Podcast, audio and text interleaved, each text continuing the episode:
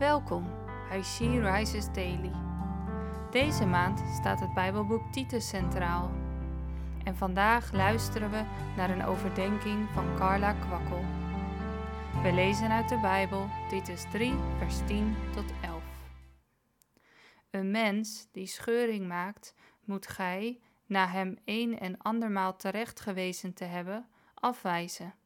Gij weet immers dat zo iemand het spoor geheel bijster is en dat hij zondigt, terwijl hij zichzelf veroordeelt. In de brief aan Titus geeft Paulus instructies hoe hij moet omgaan met problemen die zich voordoen. Bovengenoemd vers spreekt over iemand die verdeeldheid zaait. Ook in onze tijd komt oneenigheid voor in de gemeente en hoe gaan leiders daar dan mee om? Blijft verdeeldheid voortbestaan omdat het lastig is om te bespreken? Bedekken wij het liever met de mantel der liefde? Dat klinkt heel vroom, maar is niet wijs. Hoe langer meningsverschillen genegeerd worden, hoe meer mensen verwond raken of zelfs weggaan. Het getuigt van geestelijke volwassenheid als leiders de verdeeldheid in liefde bespreekbaar maken. De Bijbel is duidelijk.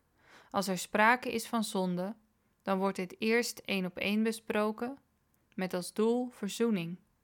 Maar als, na gesprekken, die persoon toch blijft doorgaan met verdeeldheid zaaien, dan zal de situatie aan de gemeente worden meegedeeld en zullen verdergaande stappen genomen worden. Uiteraard zal dat in elke situatie anders zijn.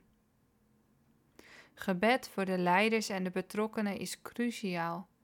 De eenheid in de gemeente en herstel van de betrokkenen moeten voorop staan. Laat alles geschieden in liefde.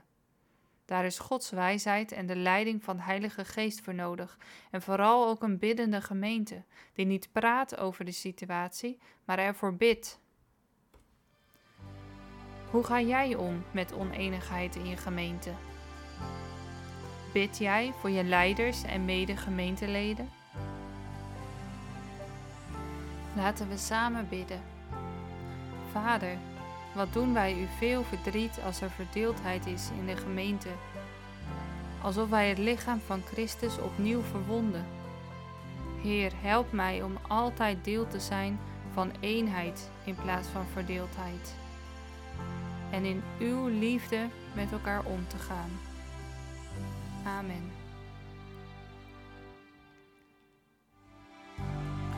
Je luisterde naar een podcast van She Rises. She Rises is een platform dat vrouwen wil bemoedigen en inspireren in een relatie met God.